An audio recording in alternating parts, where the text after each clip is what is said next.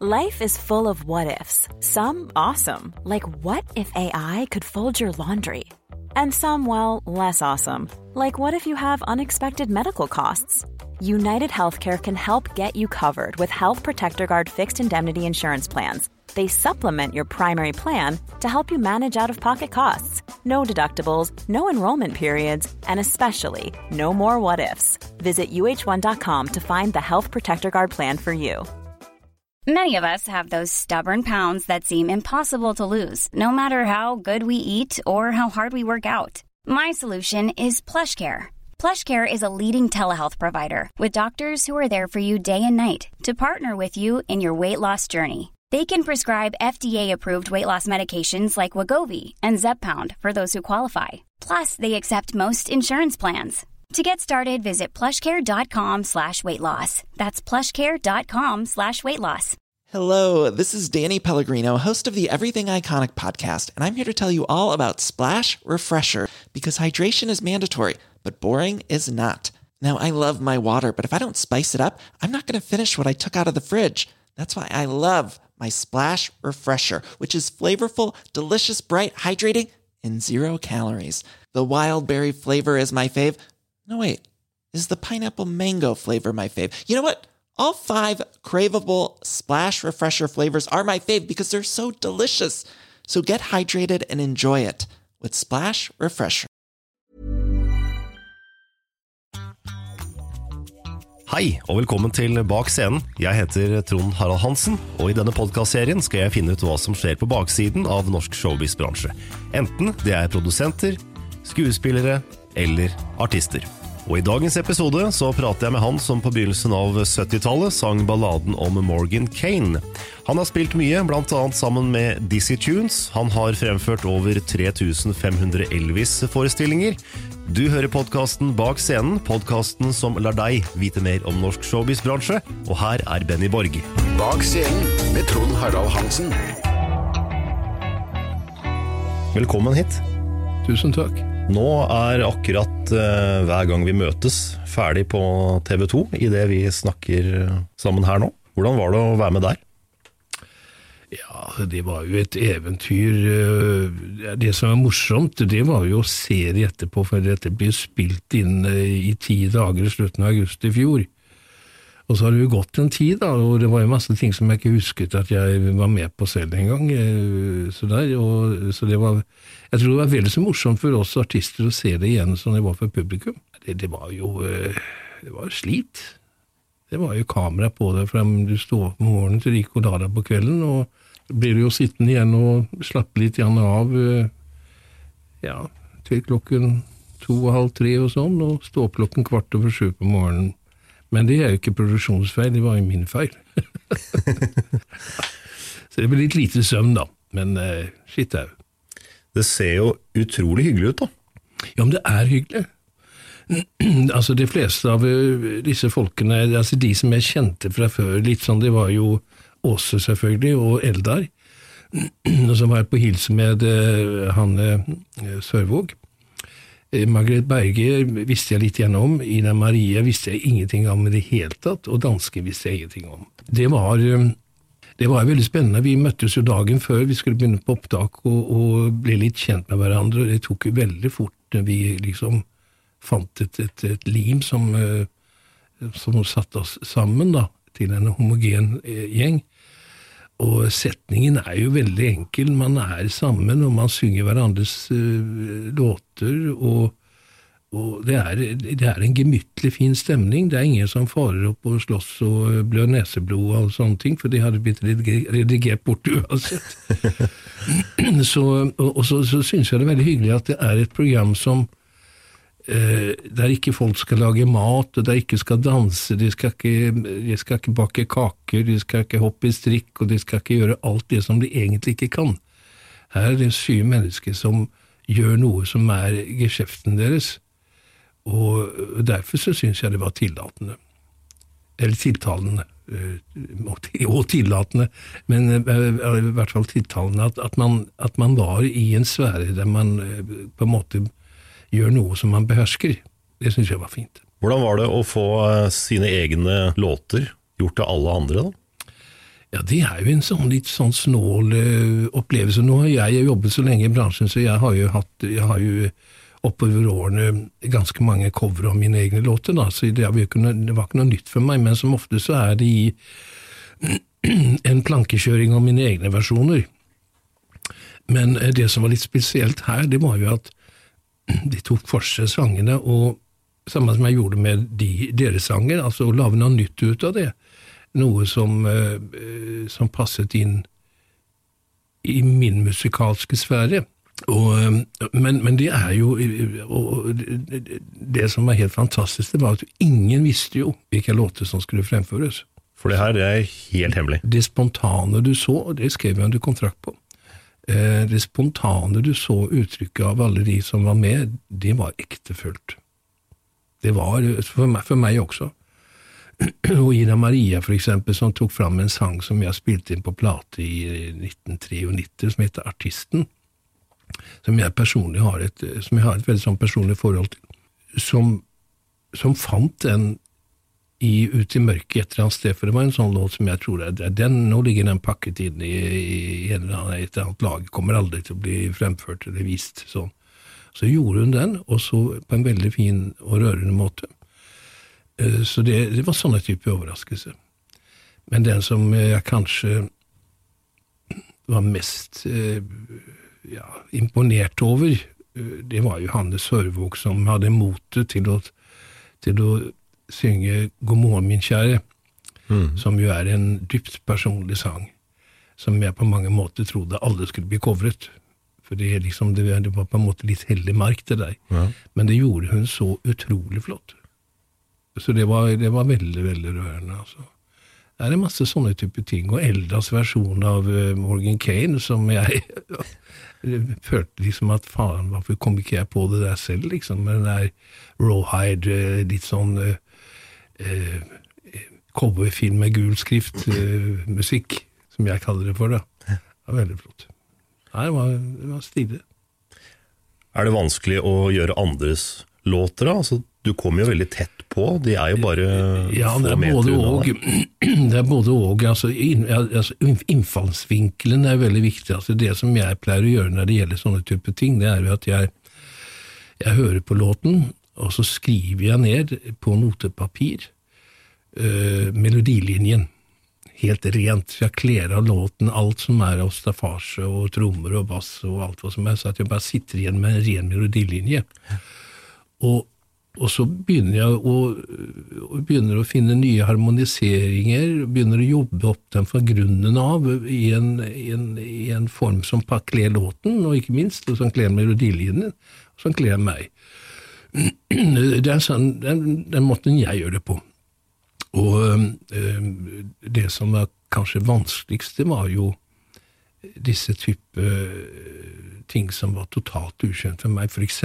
som Margaret Berge, sånn teknogreier og sånne ting. Men inni den teknogreien så lå det faktisk noen ganske fine melodilinjer. Mm. Og når jeg fikk bearbeidet det en stund, så syntes jeg selv at det ble faktisk ganske fint.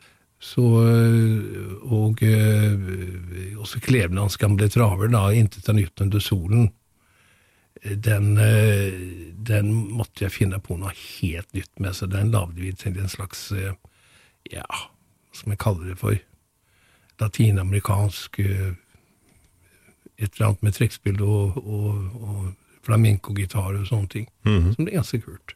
Men her så handler egentlig alt om å gjøre alt mest mulig sitt eget, utenom å ødelegge originalen? Det er jo noe med det, eh, hvorvidt man ødelegger originalen, som f.eks.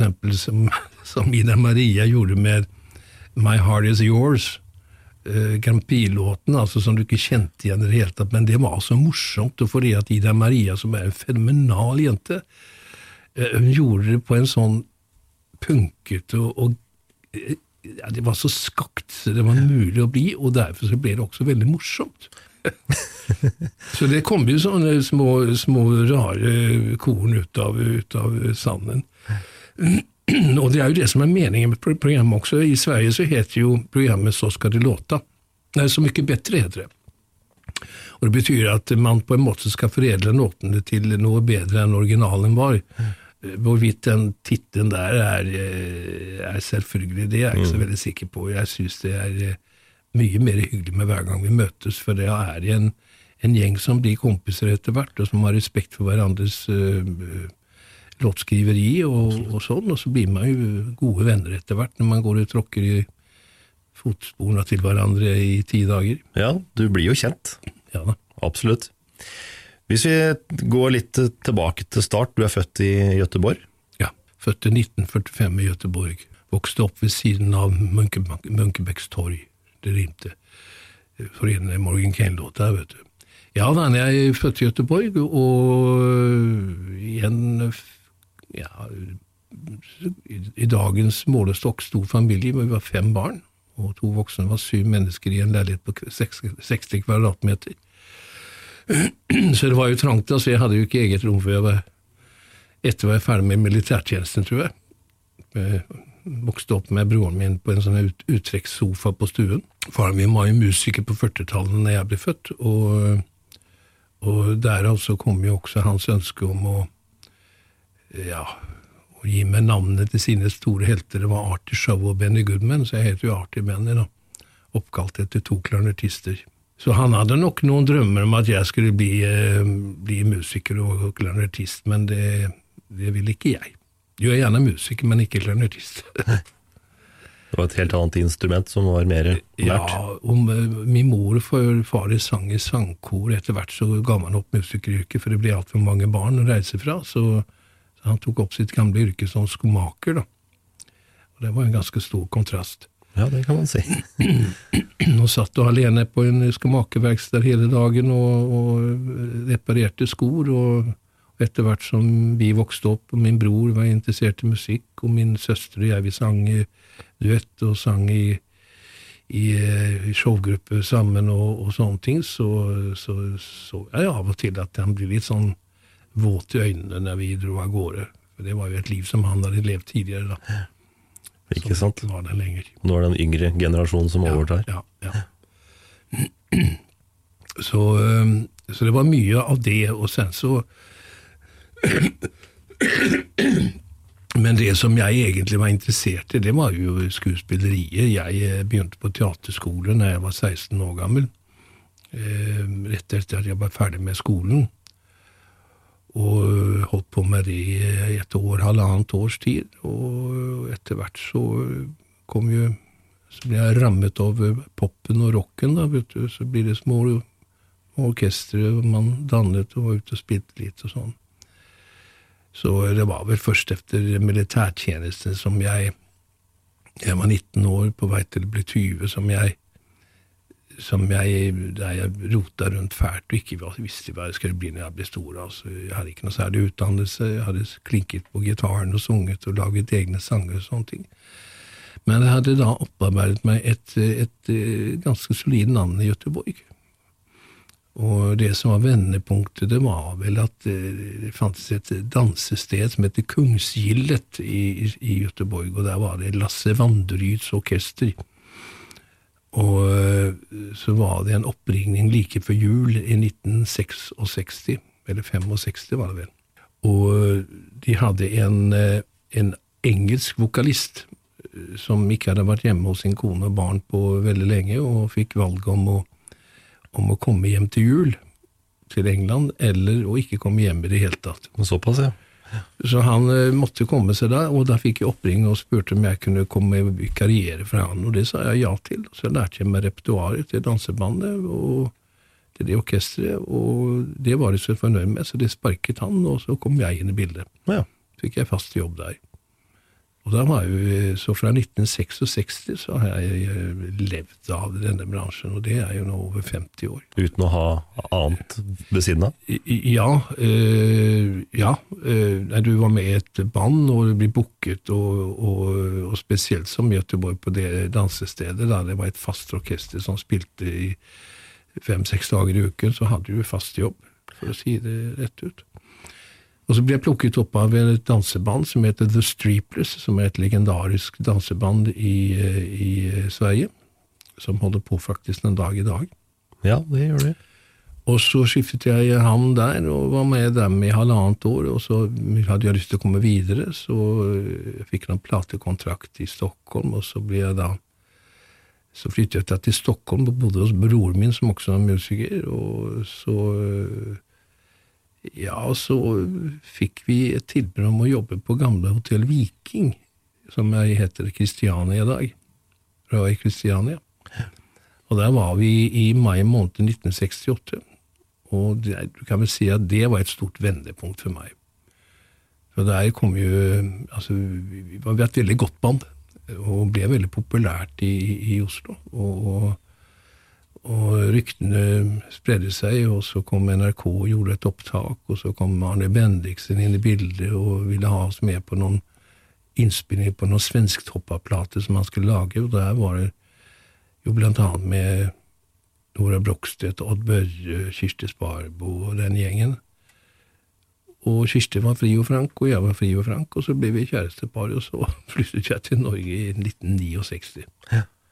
Var det et vanskelig valg å ta, å flytte fra Nei, altså, du er jo et suppue når du er i den alderen, ikke sant? Du er fri og frank og, og var vokalist i et populært danseband, og jentene sto i kø og, og alt dette her.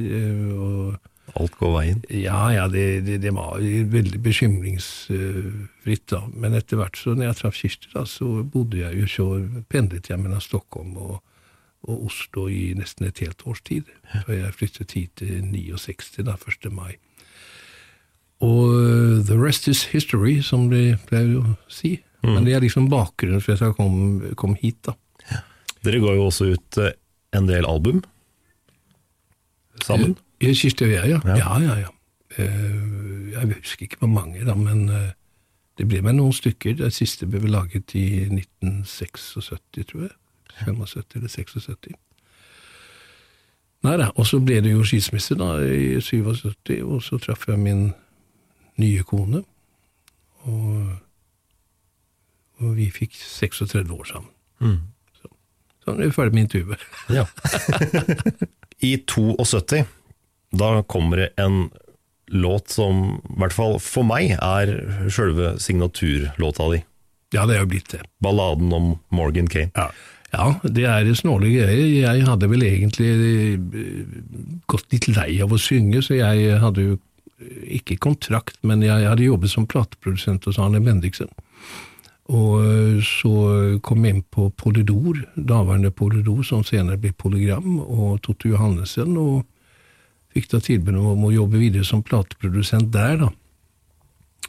Men så snublet jeg borti Morgan Kane, og det forandret på hele livet mitt, mm. for å si det rett ut. Jeg jobbet med Terje Fjerns orkester og Gronita Schjønn, og musikerne der, de, de, satt og leste på noen gule bøker, og jeg lurte fælt på hva dette var, og sa vet du ikke hvem dette er?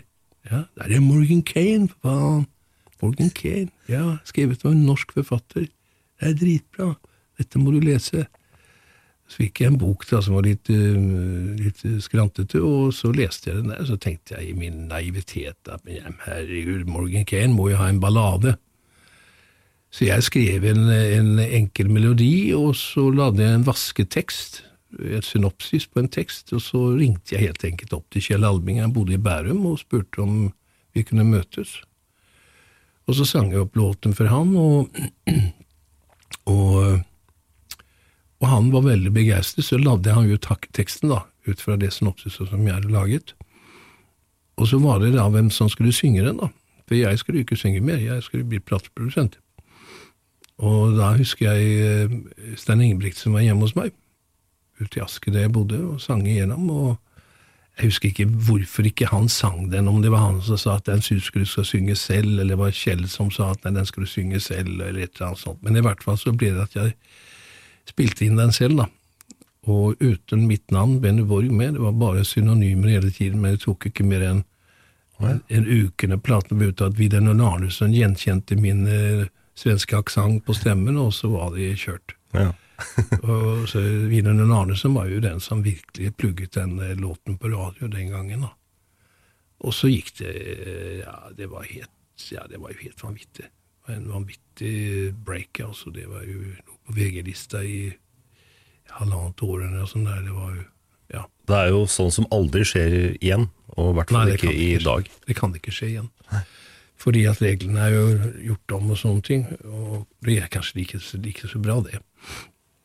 Man gjør jo ikke det her for at man skal slå rekorder, det det er jo eh, for at man har en kreativ åre man har lyst til å, å vise frem. Nei, og det gjorde jo at eh, Kjell og jeg da eh, hvilte litt videre på den der suksessen, og gjorde Metzger, eh, Jesse Rollings, El, Sordo og Paco og Nina. Der. Det var fem låter, tror jeg, som vi rakk med å gjøre på den tiden der. For, Nei, altså, det gikk jo veldig veldig kjapt. det her. Jeg fikk jo Spellemannsprisen før 1973, da, og, og hadde jo laget masse låter til Inger Lise Rypdal, Den spennende av Josefine, Nyforelsket 70 år. Så vi romsterte jo på Norsktoppen i, i noen år. Vi hadde jo til tider fire-fem låter på Norsktoppen, så det var jo mitt domene. det her var helt vanvittig. I ettertid, mens du er med på det, så tenker du ikke så mye på det, fordi det, det er da det skjer, på en måte. Da er du bare inne i den der ja, jobbe videre, gjøre ting og alt dette her, men når du sitter og tenker tilbake, så, så er det jo et eventyr. Det er jo det. Litt tilbake igjen til det plateprodusent. Du var da hos Arne Ja. Bendiksen. Ja. Hvordan var det å jobbe med han? Han var jo legendarisk, eh, både Ja, han og, var, og studio. Arne var fin å jobbe med. Han var jo også veldig innovativrik. Altså han, han bestilte jo ganske tidlig et skikkelig miksebord og sånne ting. Og, og det første han hadde, det var et skikkelig gammelt bord som jeg tror Øystein Sønde kjøpte, som han har hjemme hos seg. Oh, ja. Og så han, jeg husker den dagen da, da det nye bordet med 24 kanaler, og så skulle det komme Jan, Erik Kongshaug, vår legendariske tekniker, var jo, jobbet jo fra Arne da.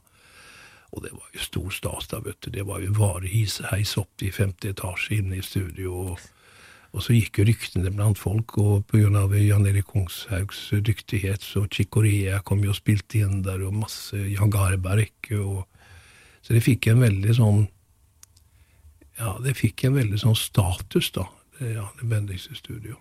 For at han turte å satse.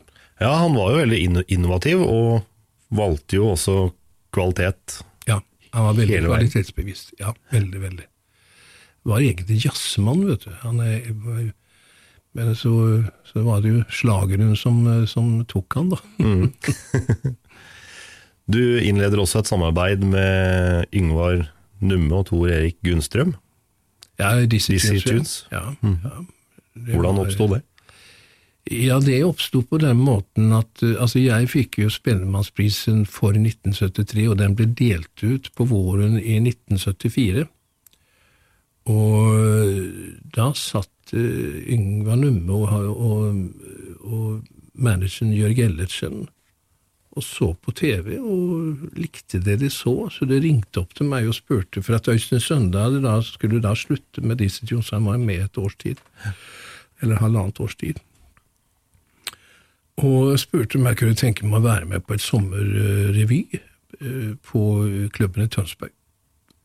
Og jeg ja, vaket litt sånn frem og tilbake. Jeg var ikke helt 100% sikker på om det var dette jeg ville, men etter hvert så sa jeg ja, da. Og det skulle jo være tre eller fire uker på sommeren, og jeg varte i 18 år. Så det var et langt gjestespill. Hvordan var de årene der? Ja, altså eh, ja, For det første så gir det seg selv når man er med i 18 år. Nei, det var jo eh, Som jeg pleier å si, det er jo, det er jo ren og skjær showbiz-skole. Utrolig prof profesjonelt. Eh, med både opplegget som altså Man planlegger et år på forhånd. Man jobber, alle er med i prosessen på å finne ut hva man skal gjøre. Så skriver Yngvar og Alfred Næss den gangen. Og uh, Jørg Ellertsen med sitt uh, promoteringsarbeid og, og sitt management uh, gjorde alt veldig, veldig ordentlig. Og, og Grete Kausland selvfølgelig, og de andre i disse Tunes. Så vi hadde jo en suksess som det nesten ikke er mulig å reflektere over i dag engang. Altså jeg tror ikke noe sånt kan komme til å skje igjen, helt enkelt. altså. Nei. Dere var jo også veldig store i utlandet, og spilte også i, I Sverige. i Sverige. Hey, I'm Ryan Reynolds. Recently, I asked Mint Mobile's legal team if big wireless companies are allowed to raise prices due to inflation. They said yes. And then when I asked if raising prices technically violates those onerous two year contracts, they said, What the f are you talking about, you insane Hollywood ass? F- So to recap, we're cutting the price of Mint Unlimited from $30 a month to just $15 a month. Give it a try at mintmobile.com slash switch. $45 upfront for three months plus taxes and fees. Promo for new customers for limited time. Unlimited more than 40 gigabytes per month. Slows. Full terms at mintmobile.com. I'm Sandra, and I'm just the professional your small business was looking for. But you didn't hire me because you didn't use LinkedIn jobs. LinkedIn has professionals you can't find anywhere else, including those who aren't actively looking for a new job but might be open to the perfect role, like me. In a given month, over 70% of LinkedIn users don't visit other leading job sites. So if you're not looking on LinkedIn, you'll miss out on great candidates like Sandra. Start hiring professionals like a professional. Post your free job on linkedin.com/spoken slash spoken today. Ja, ja. Spilte jo på Hamburger Börs og Berns og Intima Teatern i Stockholm. Vi spilte på Liseberg i, i ja, tre-fire uker i slengen. Malmö, Kronprinsen Malmö. Nei, det var et eh, Jeg kan ikke si noe annet enn et eventyr. Men det er også liksom sånn du ser på det retrospektivt, ikke sant. For den gangen så var vi så bortskjemte. Altså, vi visste ikke hva det het å ikke spille for fulle hus. Det, var, det, var, det gikk automatikk i det. Og, så det er jo først da jeg hoppet av da i 92 og skulle begynne for meg selv, som man liksom begynte å reflektere over Hallo, hva er det jeg har vært med på, liksom? Så, Det må jo være et, eh, et stort eventyr. ja, det var det faktisk. altså, og Disse dyktige folkene og sånn.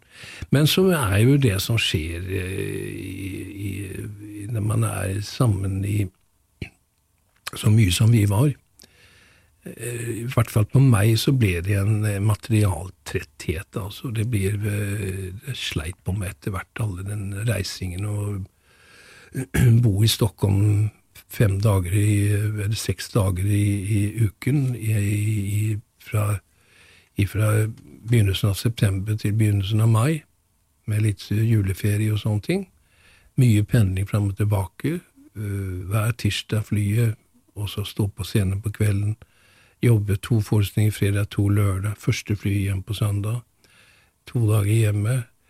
Det ble, øh, det ble tungt etter hvert, altså.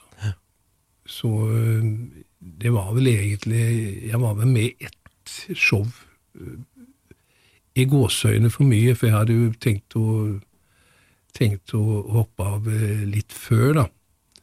Men så gikk det ikke min vei, som jeg pleier å si, så jeg ble med en runde til. Det, det, er jo sånn at du, har suksess, og så så planlegges det øh, for neste show et år på forhånd, og så sier jeg, ja, hei, men er med deg, men skal du bli med en runde til? Og da er du midt oppi det, og tenker du ikke så langt fremover. Men da tenker du ikke på at da binder du deg for tre nye år, liksom. Altså Det var sånn 650 forestillinger, du kan jo forestille deg selv. Det er jo helt Uh... Når vi har spilt 400 forestillinger, så begynte det å gå sport i det. det var jo så drittlei innimellom, så du visste jo ikke hva du het. Hvordan er, eh, hvordan er vennskapet innad i gruppa? Da kommer man så nær at man ikke er venner lenger, man er kollegaer bare. Og så blir man eh, lei? Du sier det, du Nei, nei, nei 600 du, altså, du er nødt til å tenke profesjonelt. Eh, Så, så det, men det er klart at det, eh, det hadde vært å lyve og si at ikke det i løpet av alle disse årene har vært en del gnisninger. Altså det, det, det, tror jeg et, en treåring forstår. Det hører jo med. Ja da, og, og, og det skal man ikke være redd for. Det er, menes, det er forskjellige, fem forskjellige mennesker i disse tider som har forskjellige meninger, men så er det jo en som bestemmer, da, og det er jo Yngvar. Og det, og det er eh, om ikke skrevet ned på papiret, så er det en, eh, en vedtatt sannhet. Så, så sånn, og sånn må det være, helt enkelt. Jørg Ellertsen blandet seg aldri inn i selve det kunstneriske. Han eh, bare solgte, men han kom jo med sine meninger om hvis han syntes noe var helt på trynet og sånne ting. Det er jo klart. Nei, altså det er jo klart at, eh, at eh, med så mange år der du spiser frokost og lunsj og middag sammen og fester sammen og reiser sammen, det er jo klart at jeg tror ingen holder ut i lengden. Så til slutt så blir det jo sånn at man på en måte, i hvert fall i mitt tilfelle, jeg begynte å isolere meg ganske mye. Så jeg eh, var ikke så mye sammen med dem i fritiden etter hvert, de siste årene. Nei. Falt alltid på noen unnskyldning for å slippe å gjøre det, og ja, sånn. Så det, jeg ser det på, på det som en naturlig utvikling. Du forlater da Dizzie Tunes i 92. Ja. Året etter så er du med en liten rolle i Mot i brøstet. Ja visst var jo det. Hvordan havna du der? Det har glemt. Ja, det stemmer det, ja. Som kjæresten til Elna, Ja, ja, ja, riktig. syngende og spillende. Moren til, uh, moren til eh, Sven Nordin, ja. Eh, litt sånn sleika fyr. Uh, litt sydlandske barter og, og gitar, ja, det stemmer det. Nei, jeg fikk en forespørsel fra Tore, det, det var Tore Ryen, og spurte om jeg ville være med på det. Så, jeg har jo ikke så veldig lett for å si nei, da, så jeg sa ja. Og så fikk jeg tilsendt et manuskript, og så jobbet vi med det. Det var jo kjempemoro. Jeg vet hva det er, jeg har faktisk nesten glemt. Ja. Du har eh, etter sigende gjort over 3000 Elvis-imitasjoner. 3500. 3500. Ja. Hva er Elvis er? Hva skal, man, hva skal man si? Nei, det, det, er liksom, det er litt mytedannende som at jeg er en sånn stor Elvis-fan, for det, det har jeg aldri vært. Eh, det, at, at det ble Altså, alle gutter i min alder som er født i 40-årene, og, og som var 10-12-13 år gamle da Elvis slo igjennom, vi, vi, vi lærte oss eh, hans karakteristiske ha-ha-ha og, og geipen og alt dette her. Så jeg var jo ikke alene om det, det var jo noe som alle gjorde. Men eh, det som gjorde at det gikk videre, det var at vi hadde et nummer på de første showene i klubben i Tønsberg med disse Tunes i 1974 som het Showbiz-skolen. Og der skulle vi da imitere forskjellige eh, artister, og Grete gjorde sine, og Yngvar gjorde sitt, og Dizzie Jones gjorde sitt, og jeg gjorde mitt. Det var Cliff Richard, og så var det litt andre ting, Johnny Cash tror jeg til og med var inne i bildet, og, og Elvis. Og når jeg gjorde det lille Elvis-stuntet som ikke varte mer enn kanskje ett minutt, så jublet folk. Og da skjønte vi at her ligger det et eller annet rart, som vi vel ikke tenkte så mye over mens det skjedde, men eh, og så ble det liksom sånn Når vi skulle da lage eh, Det var i 74, så var det nytt show i 76, og så var det et nytt show i 79, tror jeg det var. Og da, når man satt da på idémøter og fant ut, eh, så hadde den tanken begynt å eh, kverne litt igjen opp i hodet på meg. For Elvis han døde jo i 77, og da var det mye fokusering rundt ham. Og Så jeg sa til de gjengen at fader, hva tror dere jeg kanskje kunne gjøre en Elvis-imitasjon? Ikke parodi, men en imitasjon. Og da var det sånn eh, ja, ja, vi kan jo prøve det, da. Det var ikke noe sånn ja, det gjør vi. Men det var liksom sånn ja, ok. Og så kopierte vi eh, dressen eh, The Eagle fra Hawaii-showet, og fikk sydd den, fikk laget parykk, og jeg utarbeidet et nummer. Og så ble det skrevet arrangement, og det nummeret var vel en syv minutter langt, tenker jeg. Og det slo jo til så inn i granskauen. Det var jo headlines overalt, og det var, var ikke måte på. Så det, og da ble det nummeret der værende ved meg, ikke bare i det showet, men neste show etter det. Ah, ja. Og neste show, for folk ville gjerne se det. Ah, ja. Og jeg fikk jo tilbud om eh, fra promoters å komme til, til USA og gjøre noe med min Elvis-invitasjon der. Jeg fikk tilbud fra Eva Rydberg som skulle ha et show på Olympia Paris, som ikke jeg kunne være med på der, så det var jo et helt vanvittig. Så den dressen er jo så slitt som det er mulig å være. Den er jo lappa på, og jeg kommer jo ikke inn i den i dag, da. Bare fillene igjen. Det er bare fillene igjen omtrent. Nei, det Siste gang jeg brukte den, det var i 2010 med Pentas Playboys på, på Rockefeller. Då, så, så derfor så ble det at Og sen så fortsatte jag efter Dizzy så fortsatte å gjøre det nummeret på scenen. Så der, der kom det noen hundre 300 forestillinger til da, med Elvis og sånne ting. For alle ville gjerne ha Elvis. Og den dag i dag så spør de om jeg kan tenke meg å gjøre Elvis. Men eh, nå sier jeg nei, for det, jeg syns det, det må ikke bli patetiske her. Han døde da han var 42, og jeg, nå er jeg 71, så eh, det, må ikke se ut som en gammel hore på scenen der. Ikke sant? Eh, du ga jo også ut en, eh, en Elvis-plate på begynnelsen av 80-tallet. Da med en oversettelse, da. Ja, det var en idé som bare kom liksom eh, i kjølvannet av at jeg hadde gjort så mye Elvis, at kanskje vi skulle spille en plate, så var det sånn Ja, men jeg har ikke lyst til å spille inn en Elvis-plate der jeg kopierer Elvis, for der gjør Elvis best selv.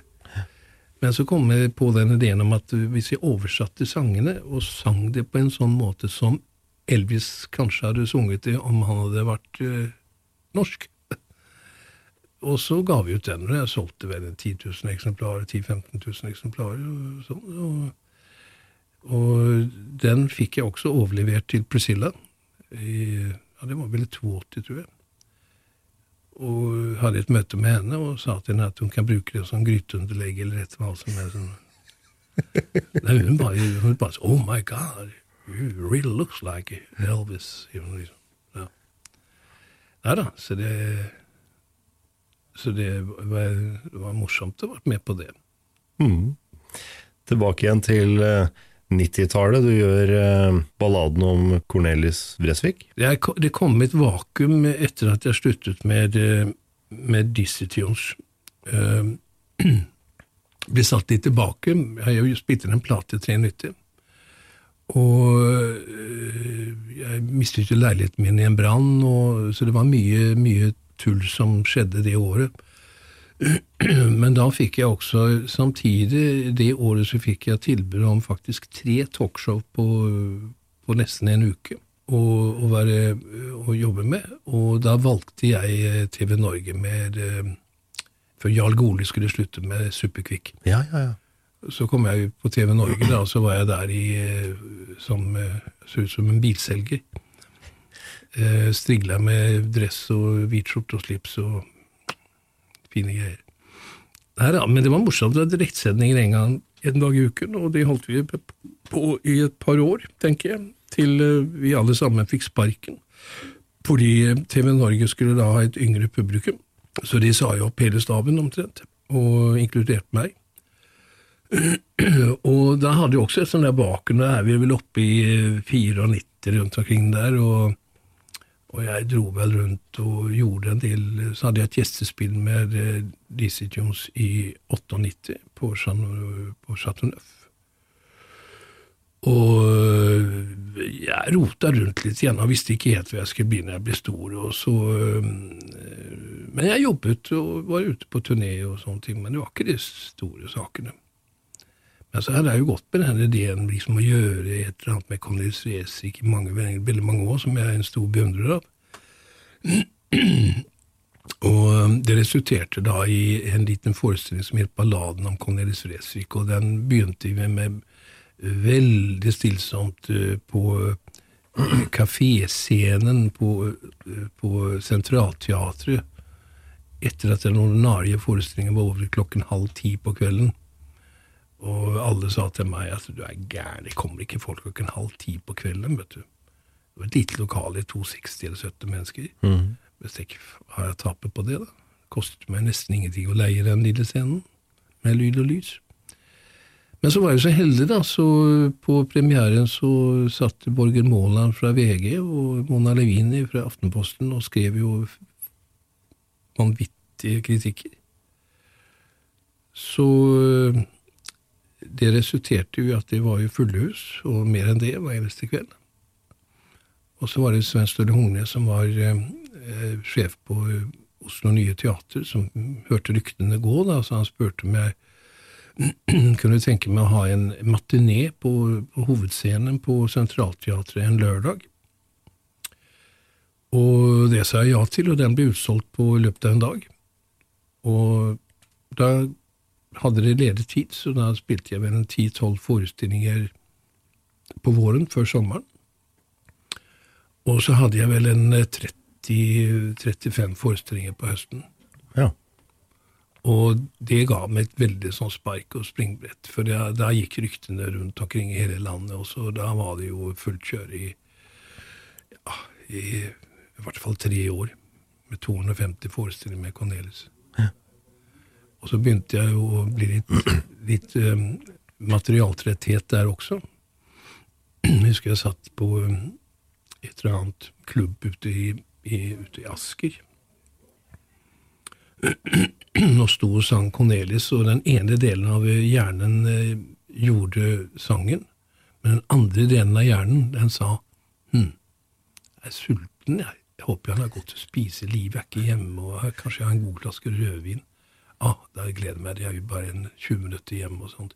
Da tenkte jeg mm -mm, nå er det på tide å slutte med det. For da gikk, jeg- da gikk det på automatikk. Så da eh, visste jeg ikke hva jeg skulle gjøre, men så var det en venn av meg som eh, foreslo at jeg skulle gjøre en, eh, en samme type forestilling, med bare gitar, en krakk, en mikrofon, og fortelle historien om Elvis Presley. Og jeg trodde mannen var gal. Jeg har gjort nok Elvis i mitt liv, sa jeg.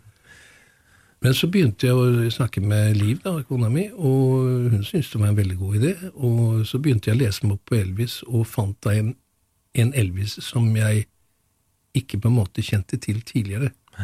For da var det jo et et helt annet segment, så jeg begynte å lese veldig mye. Av det noenlunde som eh, er gitt ut av ham, det er gitt ut så mye Merle og Melvis Presley, så ja, det er en seks, seksmenning som har sett han en gang, så har de skrevet bok. Og, men da fant jeg en Elvis på et litt dypere plan, og begynte å høre på sangene hans litt annerledes, og begynte å få en helt annen respekt for han som, som artist og utøver. Fraseringene hans, musikaliteten hans og alt dette her. At det lå noe annet bak der. Men jeg tenkte vel veldig også sånn at å fortelle historien med Elvis Presley, det er vel jo liksom på en måte Alle kan vel den, på en måte. Men det viste seg at folk var eh, Det var to leirer, på en måte. Det var 50% som var Elvis-digere, som mente at jeg ikke eh, Som at jeg ikke fortalte hele sannheten, og at jeg skulle fortalt det, og sånn og sånn. og sånn. Så var det andre som ikke visste noen ting i det hele tatt. Så det gikk jo inn i, inn i hverandre, på en måte, da. Og det var jo en kjempesuksess. Og da var jeg også på Sentralteatret, og, og, og forestillingen Hvor var du da Elvis døde? Og så kjørte jeg den noen år, og, øh, og da hadde jeg begynt å få litt sånn renommé over disse her, eh, som Mona Levin sa, biografiske forestillingene, da. Der du ikke bare sang sangene, men hadde gjort en veldig veldig god research på forhånd og skrevet ned og, og få det inn i en sammenheng der du forteller historien, så folk syntes det var veldig interessant å høre den historien der. Og så begynte det hele tiden å komme spørsmål fra journalister. Ja, hvem blir det neste, hva blir det nå, og alt dette her. Men da hadde jeg en liten pause, for da gjorde jeg en forestilling som handlet om meg selv, som heter Livets karusell. Der jeg sang mine egne sanger og fortalte min egen historie, som jeg kjørte i et par år. Og så kom da Johnny Cash etter det. Johnny Cash har jo stått på blokka i, i veldig mange år. Men så kom jo filmen i 2005, og så ville ikke jeg, i motsetning til alle andre, så ville ikke jeg liksom profitere på filmen. Nei, ikke sant, for det er jo Ja, veldig jeg- enkelt å gjøre ja, det. Ja, så jeg, jeg vil ikke være en epigon, så jeg, eh, så jeg helt enkelt la den på vent, jeg, i noen år. Og eh, det var vel da jeg gjorde Elvis istedenfor. Um, så, så da jeg de som eh, De hadde lagt seg litt der etter hvert, så, så begynte jeg å ta opp Johnny Cash igjen, og, og det ble også en kjempesuksess for meg. Og den eh, kjørte jeg vel også et par år. Det er jo alltid liksom sånn ja, 120-130 forestillinger på et par år. Det er ganske mye, da. Det er jo ganske mye. Så hadde jeg vel eh, Ja, selv så bestemte vi kontoret og jeg på at vi skulle ta en liten pause. For da hadde jeg støvsugd Norge i ganske mange år. Selv om det var forskjellige forestillinger, så var det jo allikevel Benneborg, da.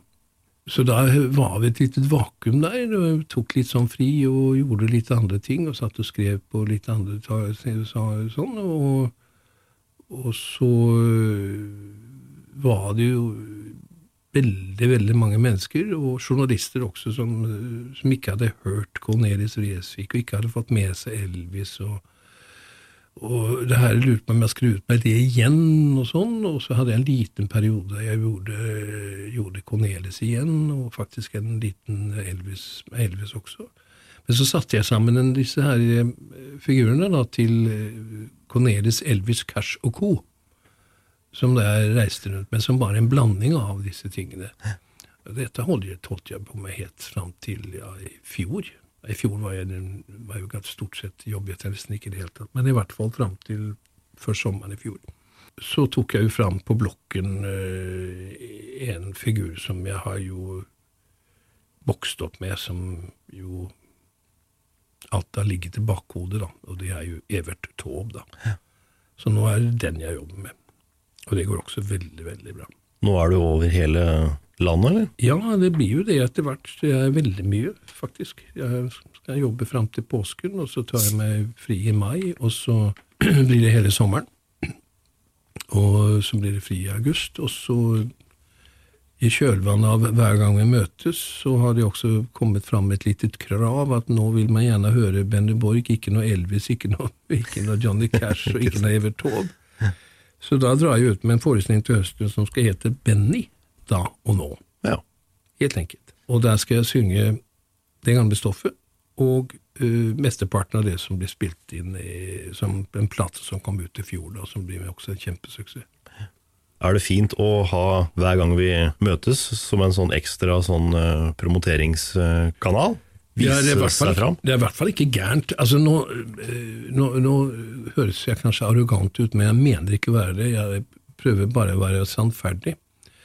Eh, jeg tror at det betyr mer for litt yngre artister mm. som ikke har fått den store etableringen. Det er jeg helt enig i. Jeg er jo en gammel skole. Jeg er jo tygge og spytte ut uh, tusen ganger. så så, så, jeg driver jo med mitt uansett. altså Hadde det ikke vært for hver gang vi møtes, hadde jeg allikevel vært ute med Evert Taube og disse tingene. Eh, men eh, man skal jo ikke stikke under den stolen at du, du får jo en spesiell oppmerksomhet. Det, det, det får du. Mm. Eh, det er en nysgjerrighet eh, blant folk uh, som gjør at de Det kommer nok kanskje en 30-40 mennesker ekstra på konsertene som er litt nysgjerrige på hva er dette for noe, liksom. Bortsett fra den harde kjernen som kommer allikevel. Mm. Og gjennom et eh, helt år så er det mange, det? Det er mange, det. Så, så, så jeg håper å si som svar på ditt spørsmål, så, så, så drypper det litt på klokkeren også. Men jeg tror at det har, har mye mer å si for, for, fordi Margrit Berge og Ida Marie som får vise frem, og ikke minst Anne Sørvåg som får vise frem sitt talent på en ordentlig måte. Så hun har virkelig skåra, Anne Sørvåg. Hun er jo kjempe, ja, kjempeflink. Flott jente, altså. Alle var flotte. Det var min prat med Benny Borg. Jeg sier tusen takk for at du har hørt på. Jeg heter Trond Harald Hansen. Du har hørt podkasten Bak scenen, podkasten som lar deg få vite mer om hva som skjer på baksiden av norsk showbiz-bransje. Husk at du finner flere episoder ved å gå inn på iTunes sin podkasttjeneste og søke opp Bak scenen, bak-scenen.no, og på Facebook ved å søke opp Bak scenen. Lik oss gjerne, og legg igjen en kommentar på iTunes hvis du har lyst. Vi høres igjen om ikke lenge. Da får jeg besøk av kollega Endre Lundgren. Vi skulle prate mest mulig, og det var liksom floskler og uh, heng på gutta og sjalabais, det var alle disse uttrykkene. ikke sant? Så du måtte lire av deg. Det var greit, det var sånn det skulle være. Mm. Uh, det er en grunn til at på en måte, altså Howard, for eksempel, da, som jo var på Radio Oslofjord omtrent samtidig, uh, at han hadde sitt bærbare fredagsparty, og det var lekre smekkere Emma. Liksom. Det gikk an å bruke sånne type ting. Det funker ikke i dag, tror jeg. Nei, det gjør ikke det. Ja, altså Hvis du ikke er ordentlig fan av gamle dager, da. Men ja.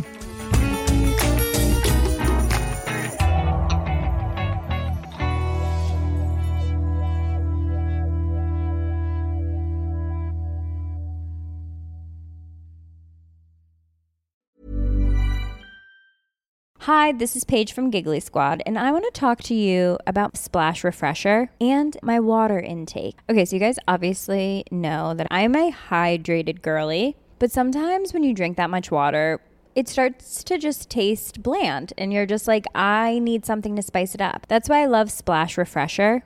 It has zero sugar, zero calories, and it's a splash of sweetness. And they come in five different flavors. They're so good wild berry, acai grape, pineapple mango, lemon, and mandarin orange. My favorite is the wild berry because I just I just love a berry. So if you're like me and you're drinking water all day, then try Splash Refresher. It's going to absolutely change your water game and it's good for you. ACAST powers the world's best podcasts. Here's a show that we recommend. The Real Housewives is a guilty pleasure for most, but if you're looking to not feel guilty about that pleasure, tune in to Everything Iconic with me, Danny Pellegrino, where I break down all the messy moments and behind the scenes antics of Bravo's popular franchise. And on Everything Iconic, I also interview celebrity guests like Kelly Ripa, Kiki Palmer, Drew Barrymore, Cameron Diaz, and more about their guilty pleasures, their past work, and so much more. So if you're pop culture obsessed and find yourself watching way too much reality TV like me, tune in to Everything Iconic with Danny Pellegrino wherever you listen to podcasts. ACAST helps creators launch, grow, and monetize their podcasts everywhere. ACAST.com.